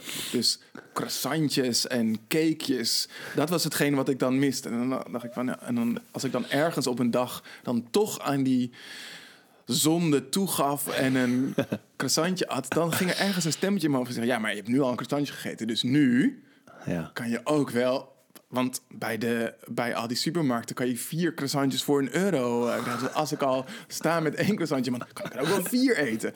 En als ik overdag vier croissantjes heb gegeten, dan kan ik best wel s'avonds eh lekker die kaas op mijn lasagne strooien. dus, maar dat, dat gaat dan op een heel klein niveau op een, op een dag. Maar voor je het weet, denk je de volgende dag, ja, ik heb gisteren eigenlijk ook al eh, ge- gegeten. Dus dan kan ik het vandaag ook wel laten. Hoe, hoe, hoe, hoe hou je dat vol? Hoe pak je dat ritme weer, weer, weer op? Nou ja, ook dat is just for today. Ik denk dat je, als het vandaag niet lukt, begin ik morgen weer. Alleen, ehm, je, de- je hebt de podcast Psycholoog, best een leuke podcast ook. ehm. en die, daar hoorde ik over de als-dan-methode. Ah ja. En ehm, die hadden het erover dat je op die manier ook je gewoontes kunt veranderen. Dus bijvoorbeeld het kopen van dat croissantje. Kijk, vaak is het natuurlijk, het begint met de aanschaf. Dus op het moment dat je met jezelf afspreekt, als ik naar de supermarkt ga, dan hou ik me aan mijn lijstje. Of eh, dat zijn dingen die, als je ze opschrijft en als je ze doet, dat, dan wordt het iets minder moeilijk. En dan nog eens die verleiding er. Ik denk ook dat op het moment dat je aan verleiding toegeeft, het moet ook allemaal niet te streng worden. Hè? Nee, nee dat, is- dat is mijn valk. Ja, ja, dat is waarschijnlijk ook je succes. Alleen, ehm, ik vond die als dan wel mooi dat je van die, van die gewoontes benoemt. Ja. Als ik televisie kijk, dan pak ik een zak chips nu. eh, weet Ja. je wel. Maar daar kan je ook van maken. Als ik televisie kijk, dan pak ik voortaan een appel. Of als ik eh, zin krijg in die zak chips, dan ga ik even air squats doen. Of Ja. push-ups. Ja, dus als je dan een gezonder of een beter alternatief ervoor in de plaats stelt, dan ga je dat eigenlijk trainen. Ja, maar ik weet zeker dat als mensen nu dit horen, denken: ja, zo makkelijk is het. Zo makkelijk is het dus toch. En, en Ja. dat is het gekke, dat op het moment dat je dat uitspreekt en blijft herhalen en opschrijft, daar zit het hem. En, en, en daar gaan mensen aan voorbij. Het is hetzelfde als dat iedereen weet dat het beter is om de trap te nemen dan de lift. Maar wie doet het? Weet je wel? En iedereen weet dat als je door het station loopt en de roltrap zit naast de gewone trap, dan gaat die hele stroom die roltrap op. Ja. Ik heb ook wel eens daarover gehoord, over dat vo- voorbeeld, dat, dat we dat ook doen omdat er niet een instant satisfaction Ja, is ook zit in dat nemen van die trap. Ja. Dus er is niemand die op de trap loopt en dan denkt, oh, wat ben ik nu lekker gezond bezig. Dit is goed voor mijn Nee, toekomst. Er zijn twee redenen dat we dat doen. Dat je evolutionair. Kijk, vroeger, eh, op het moment dat we hadden gegeten na de jacht. eh, dan wist je nooit wanneer het volgende moment kwam om weer te eten. Dus, dus een beetje terughangen in de spaarstand, de weg van de minste weerstand. Eh, en alleen maar in actie komen als er gevlucht moest worden, ge- ge- ge- gevochten. eh, dat, dat waren actieve Ja. momenten. Dus in ons, diep, diep in ons verankerd, zit gewoon altijd de makkelijke weg. Dus wij zullen altijd gaan zitten als er een stoel is in een wachtruimte. En we zullen altijd die lift pakken in plaats van die trap. Tenzij je met jezelf hebt afgesproken, dat doe ik niet. En, en ook daar weer is het zorgen dat die drempels kleiner worden. Dus op het moment dat je bijvoorbeeld op de dertiende verdieping werkt... En, en je denkt, ja, maar ik ga geen dertien verdiepingen de trap... dan kom ik gutsend van het zweet aan. Ehm, maar je kan wel zeggen, oké, dan neem ik altijd tot de derde af, verdieping... Ja. neem ik altijd de trap. En daarna de lift, weet je wel? Dat er in ieder geval iets... En, en ik denk dat dat voor de meeste van ons ligt daar de oplossing. Van Ja. hoe kun je die hele kleine aanpassingjes... die allemaal gericht zijn op dat grote doel... hoe kun je die in je leven aanbrengen? Ja, En met ja dat- en, dan, en dan ook kijken dat je daar ook een soort van korte beloning voor jezelf eh, maakt. Ja. Net als dat je het hebt Ja. over self-talk, is ook ehm, zeg maar, zelfaanraking. En dat klinkt misschien een beetje gek, maar dat, werkt, dat werkt ook. Dus Ja. dat klinkt eh, voor heel veel mensen een beetje gek als je jezelf een schouderklopje geeft. Maar fysiek werkt het precies Ja, hetzelfde ja. als je jezelf even een schouderklopje geeft of als je jezelf even vastpakt. Ja. Dat, dat, dat doet met je lichaam hetzelfde en met je hoofd als wanneer je iemand anders een shot oxytocine kan geven. Ja, exact. ja, Dus eh, als je dan toch die trap neemt, dan moet je jezelf, eh, terwijl je dat doet, eh, een sch- schouderklopje geven. Ja, en het is die, die voldoening. Kijk, dat is het grappige. Want iedereen kent dat gevoel in de dag dat je gewoon net overal een beetje achteraan loopt. Je, je staat laat op, je hebt per ongeluk toch gesnoest. Wat het allerdomste is wat je kan doen. Ehm, je staat op, en je, je bent gehaast, je ontbijt niet, je, net te laat, net, weet je, net niet lekker. En je ziet op je werkpas dat je tandpasta nog in je mondhoek zit. En eh, terwijl je al twee afspraken hebt gehad. Weet je, dat gevoel, de Ja. hele dag erachteraan. Het tegenovergestelde kun je creëren. Dus eh, als je doet wat je hebt voorgenomen, de wekker gaat, ik sta op. Ehm, ik neem misschien wel een koude douche. De eerste overwinning van de dag is binnen. Ja. Eh, ik zorg dat ik een beetje beweeg. Ik zorg dat ik wat, wat licht in mijn gezicht krijg voordat ik ga eten. Lekker. Weet je, dus allemaal dingen die je hebt voorgenomen. Of je schrijft bijvoorbeeld op wat je die dag echt graag wil doen. Ehm, al die dingen geven voldoening en die creëren een soort positief gevoel om die dag in te rollen. Dus dat is het tegenovergestelde van dat anderen overal maar achteraan hikken. Dus, dus, maar dat is te creëren. Ja. Dus als, als ik met mezelf gewoon heb afgesproken, ik wil gewoon in de ochtend dit en dit en dit en dit. Dat geeft mij een lekker gevoel en een goed begin van die dag. Dat geeft voldoening. Dat is een soort wind in de zeilen van de rest van de dag. En zo zijn er veel meer punten in je leven, gewoon waarvan je weet, als ik het zo organiseer, want het is plannen en organiseren, dan, dan, ja, dan, dan helpt me dat in die positieve ontwikkeling. En, dat, en met dat croissantje, ja, het begint ermee dat je hem koopt. Ja. Dus, dus, dus kennelijk is het probleem, of probleem, het is natuurlijk helemaal geen groot probleem, het is maar een croissantje. Alleen, maar de uitdaging, laten we het zo noemen, zit hem er veel meer in. Wat doe je in die supermarkt dan? Weet je, wat is je, hoe, hoe, als je dat echt niet wil, hoe zorg je ervoor dat je hem dus Ja. niet koopt? Daar zit de uitdaging. Ja, goeie.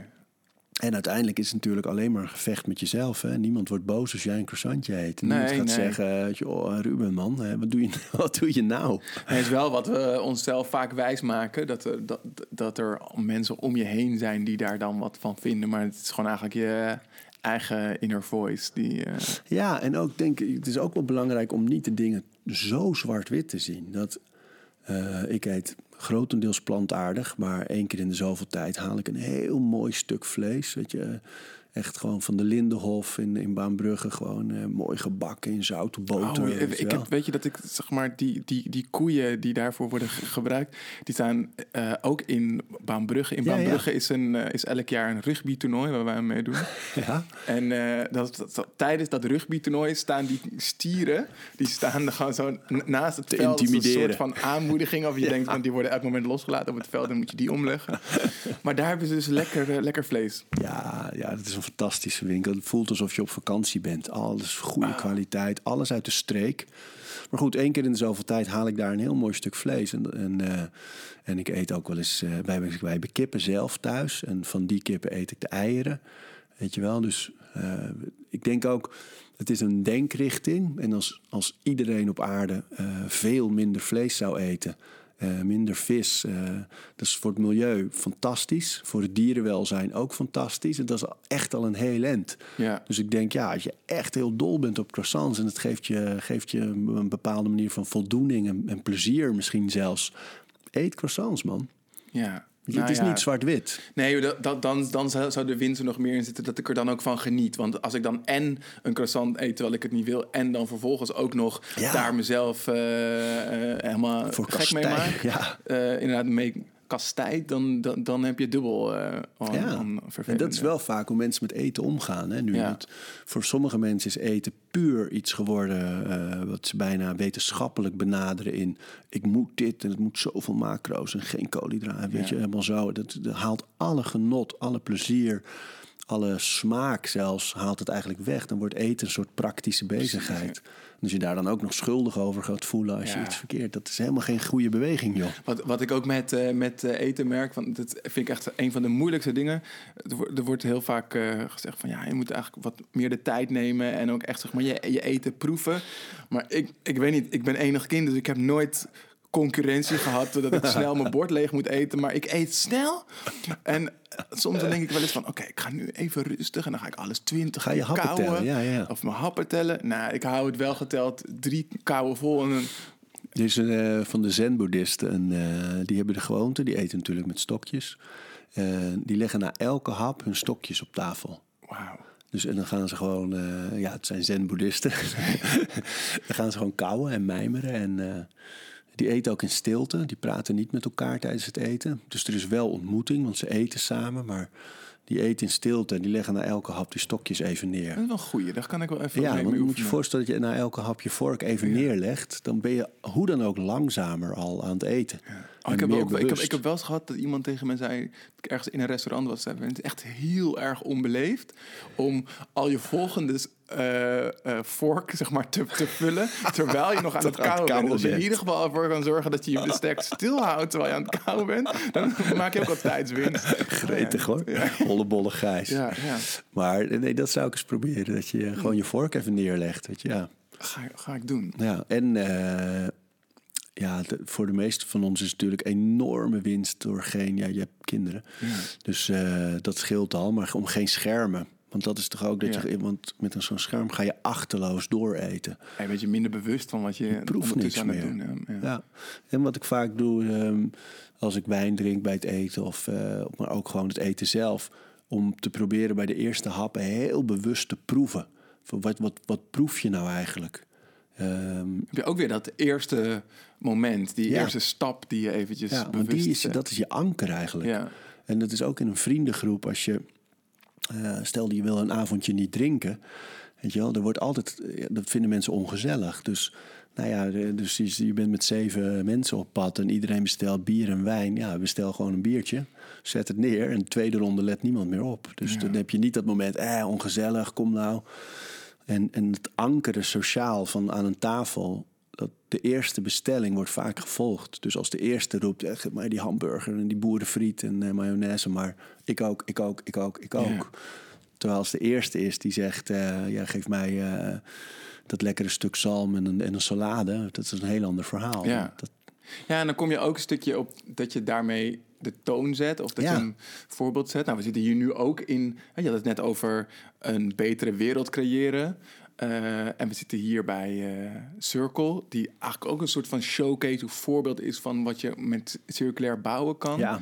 Denk je dat je... Dat, of vind jij van jezelf dat je ook een verantwoordelijkheid hebt... om het goede voorbeeld te geven in jouw rol?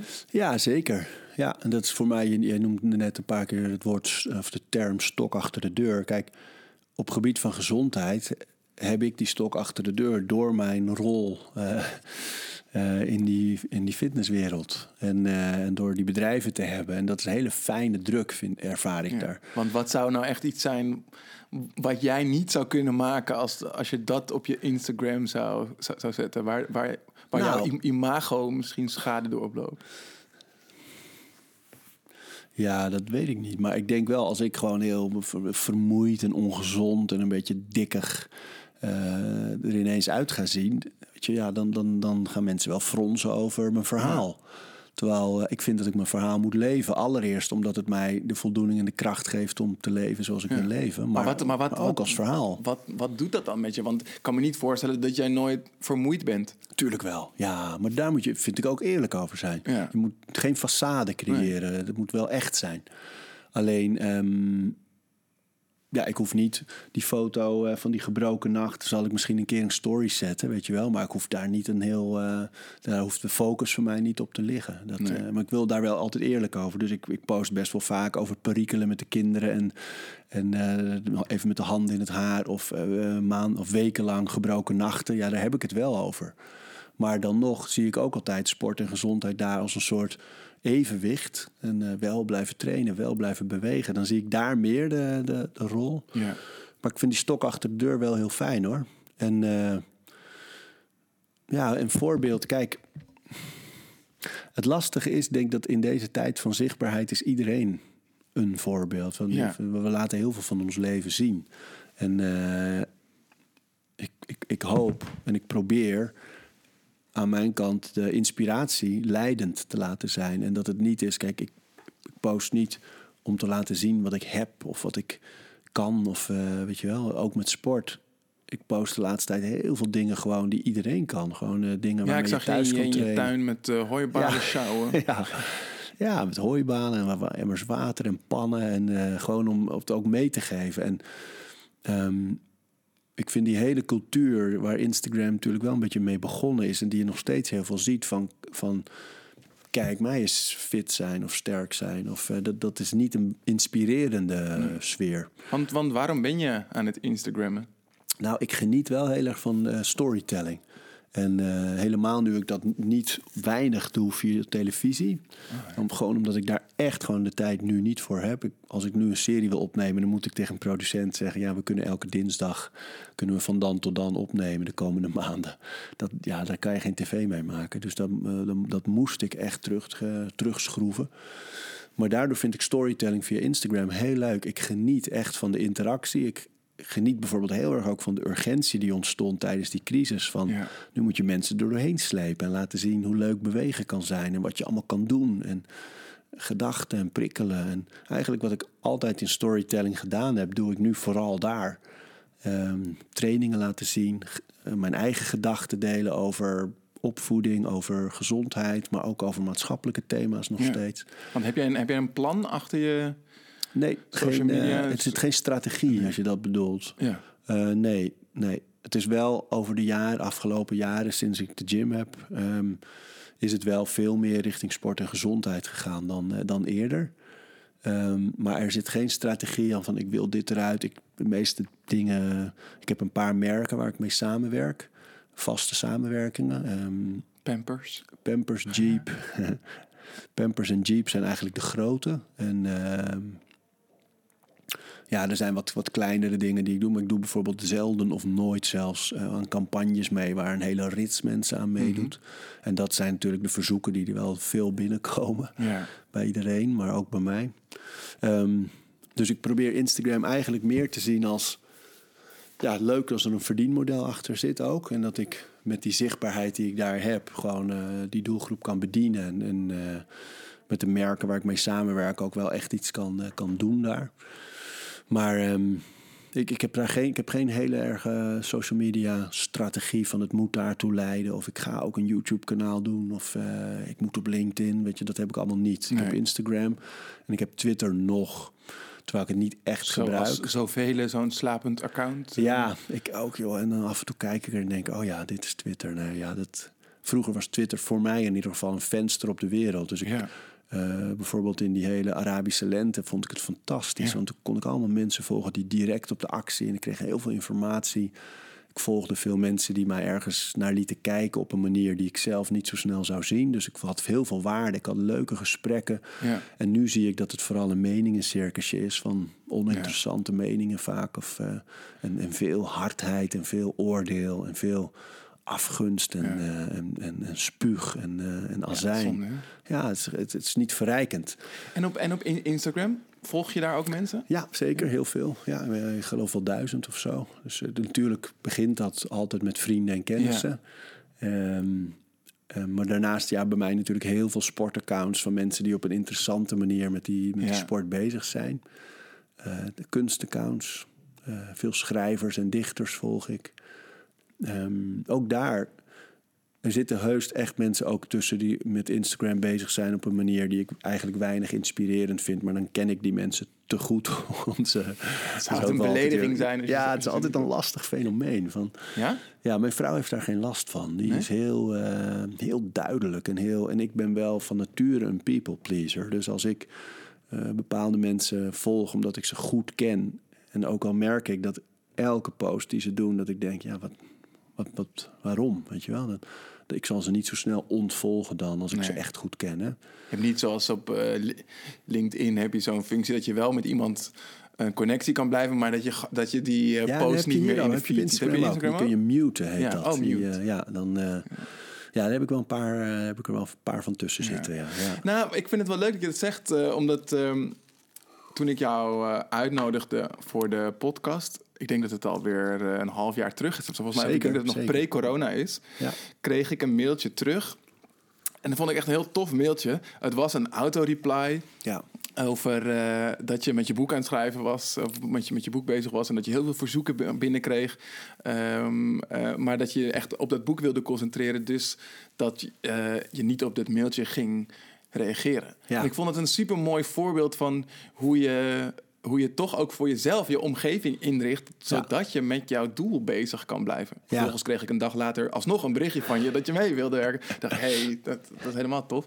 Maar dat, maar dat vond ik een mooi Ja, maar die keuze heb ik dan. Ja. Dus ik heb die, eh, die auto. Ik merkte op een gegeven moment dat ik, ehm, vooral toen ik heel veel presentaties en lezingen deed naast het televisiewerk en die gym kwam erbij. Dus ehm, de verzoeken gingen van commerciële verzoeken, zakelijke verzoeken naar ook hele kleine dingen, omdat ik altijd zo met die maatschappelijke programma's ben. Was er ook eh, de bibliotheek in Assen gaat open, wil je komen lezen of zo. Weet je, Oh, ja. dat, dat zat er ook tussen. Of eh, werkstukken voor scholieren of de hele kleine dingetjes. En groot, alles, alles bij elkaar was ik gewoon een volle werkdag per week kwijt aan mail verwerken.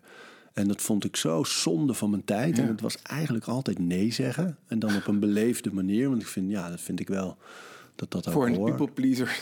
Ja, is dat ja, niet een wil- leuke activiteit? Nee, nee, nee, maar ik wil wel duidelijk zijn. Ik heb over de Ja. jaren wel geleerd om duidelijk te zijn. Dus het ging vooral om nee. Toen dacht ik, als ik nou een mooi, goed geformuleerde mail opstel... waarin ik eigenlijk nee zeg tegen zo'n beetje 80% van de mailtjes die binnenkomen al. Ja.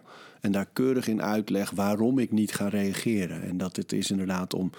eh, op dat moment, dit, ja, dat verandert dan het project. Maar dit was nu een boek, eh, mijn gezin, de, de gyms. Er was net weer één open toen ik die, eh, die vorige versie opstelde. Ehm, dat zijn de dingen waar ik me nu op moet concentreren en wil concentreren. Dus dan blijft er weinig tot geen tijd over voor andere dingen. Ja. En dat staat eigenlijk netjes geformuleerd in die mail. En ja, dat, dat, dat haalde ik uit een boek van George McCune. Die heeft een boek over. Er zit een hoofdstuk in, The Art of Gracefully Saying No. Met allemaal voorbeelden van mensen die eh, heel goed nee zeggen. En eh, Ja. op een hele nette manier, maar duidelijke manier vooral. Gewoon aangeven: nee, dit kan ik nu niet doen als ik me hierop wil concentreren. En ik merkte zelf namelijk dat ik, doordat ik al die jaren altijd heel veel werk had aangenomen. Er was een soort overgangsfase dat ik dat een beetje bleef doen. Terwijl elke keer dat ik s'avonds het land inging om een presentatie te doen of eh, ergens op te treden. ehm, dat was tijd die ik dus niet met mijn gezin doorbracht. Of niet met mijn vrouw doorbracht. Ja. Of niet aan een boek kon werken. En als je niet uitkijkt, dan wordt je to-do-list eigenlijk helemaal gevuld door wat anderen van je willen. En Ja. wat anderen doen. En Ja, dat vind ik ook het lastige van mail. En, en eigenlijk nu ook WhatsApp. Ik heb heel lang zonder WhatsApp gedaan.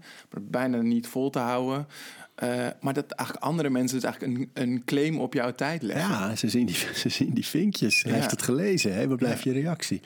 Ja, kijk, ik, ik heb er echt...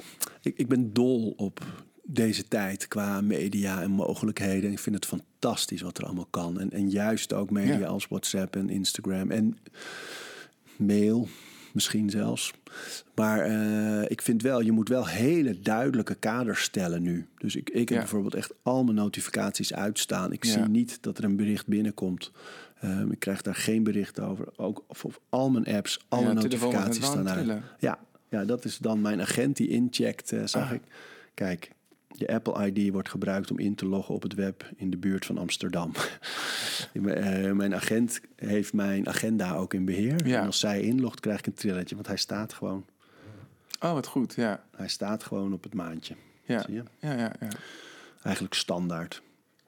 Ja, dat is, dat, dat- dat- ik, ik ben daar zelf ook fan van eh, om, om dat soort eh, taken ook uit te besteden. En dat doe jij dus ook. Dus je, je agenda wordt door iemand anders beheerd. Ja.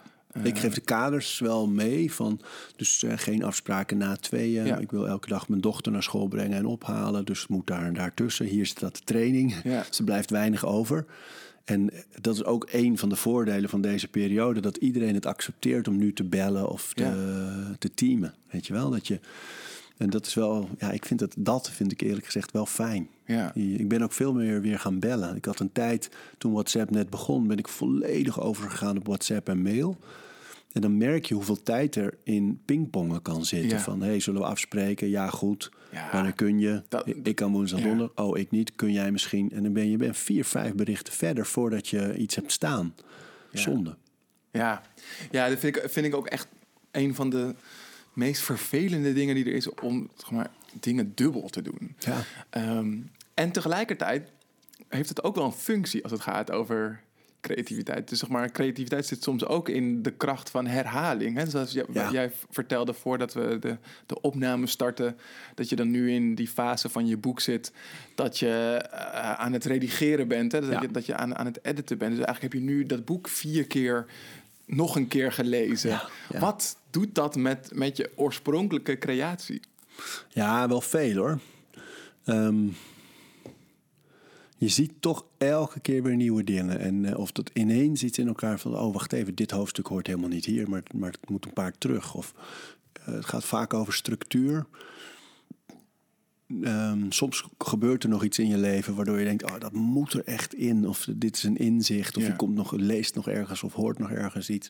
Dus het, het proces... Ik denk dat dat ook het gevaar is. Ik vind het altijd wel mooi van Seth Godin... die, ehm, eh, die het altijd heeft, just get it out there. Ja. En eh, gewoon maar, eh, doorgaan. En voor mij schrijven ook vaak. Ik, ik maak het eerst helemaal af. Ik schrijf mijn hoofd leeg gewoon. Echt. Ik maak het boek helemaal af. Kijk niet hoe mooi het is opgeschreven aanvankelijk. Of, hoe, eh, of wat het begin is. Of weet je wel. Ik maak het helemaal af. En dan ga ik pas echt bouwen. En, en fijne eh, schaven. En, ehm, maar eerst just get it out there. En met producten, ja. Zo'n boek is nooit af. Ik zal altijd iets, als ik fit nu lees, dan denk ik, oh ja, maar hier had dit nog gekund. Of oh ja, eh, dat, dat blijft toch altijd. Ik denk dat het.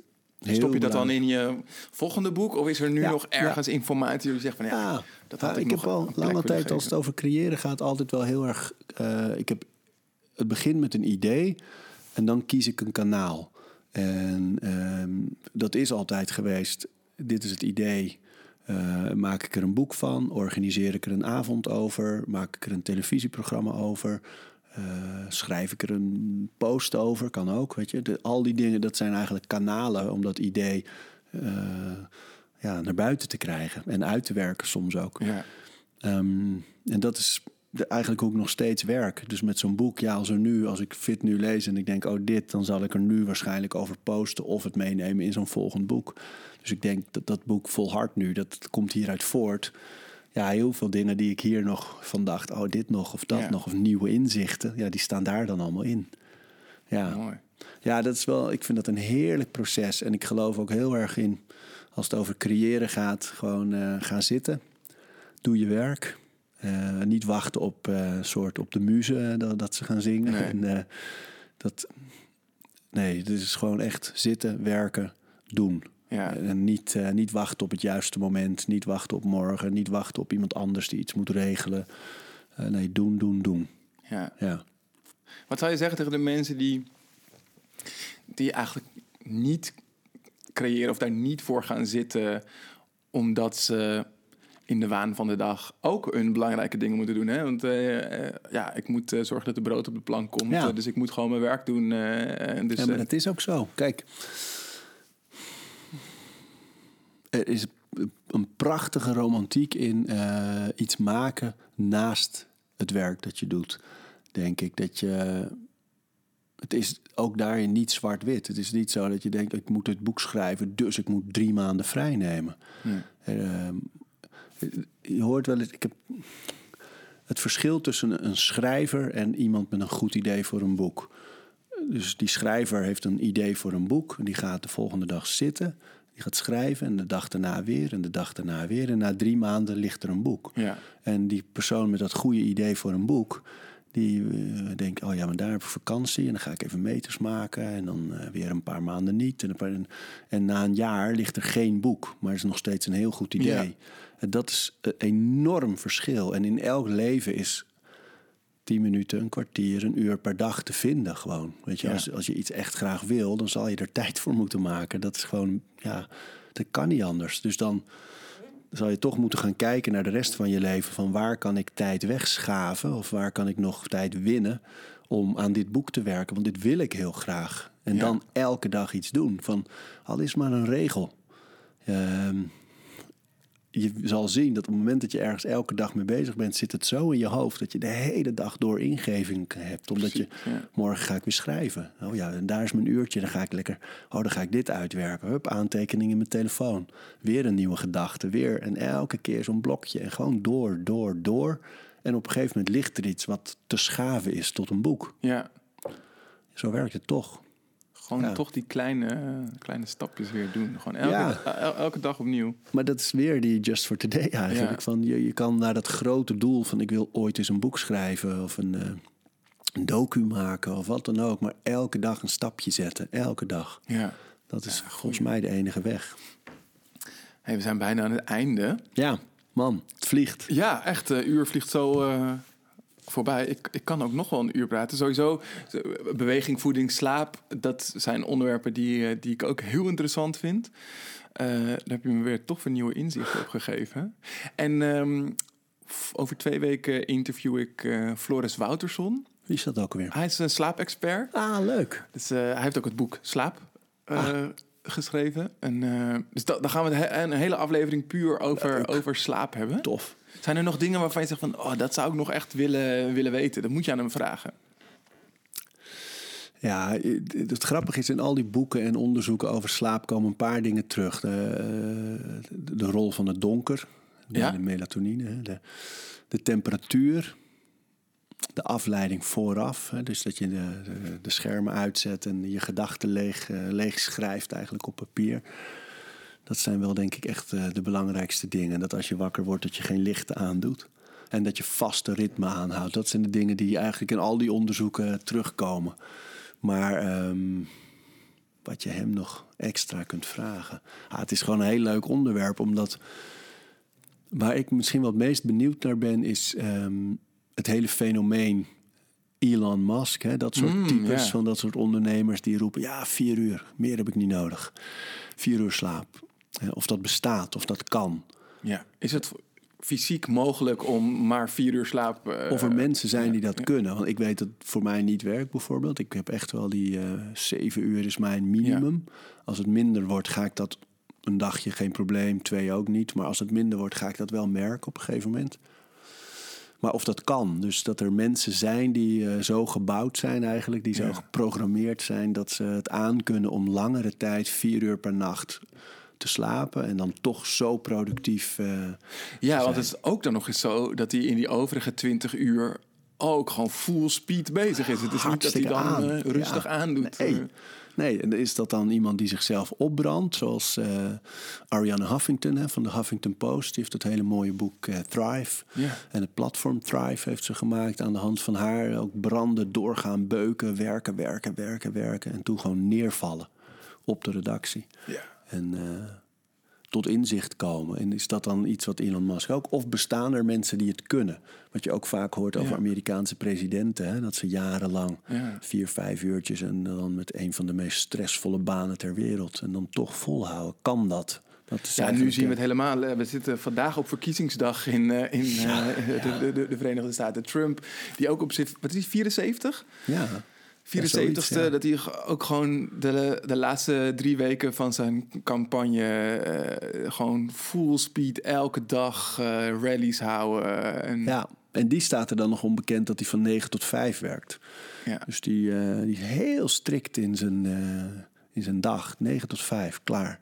Ja, dat, dat is misschien zijn... Nou, dat heeft hij met, in de, met zijn rallies niet. Nee, nee, nee, nee, Die rallies, dat zal echt een ander verhaal zijn. Ja. hoor. Maar goed, ja, of, dat is dus wel een leuk, lijkt me een leuke vraag aan hem. Daar ben ik zelf in ieder geval benieuwd naar. Dus ik zal luisteren. Cool. Ik wil vooral jou ontzettend bedanken, want ik vond het echt super Leuk. tof eh, dat je hier was. Dank. Eh, ik heb ook echt genoten. Ja. Kletsen. Ja, top, Dank voor de uitnodiging. Ja, en eh, ik kijk uit naar eh Volhard. Wat een geweldig gesprek had ik met Arie. De manier waarop hij kijkt naar ondernemen, creëren, ritme en motivatie houden, hebben mij ook enorm eh, gemotiveerd en geïnspireerd. Eh, dus daar ben ik hem heel erg dankbaar voor.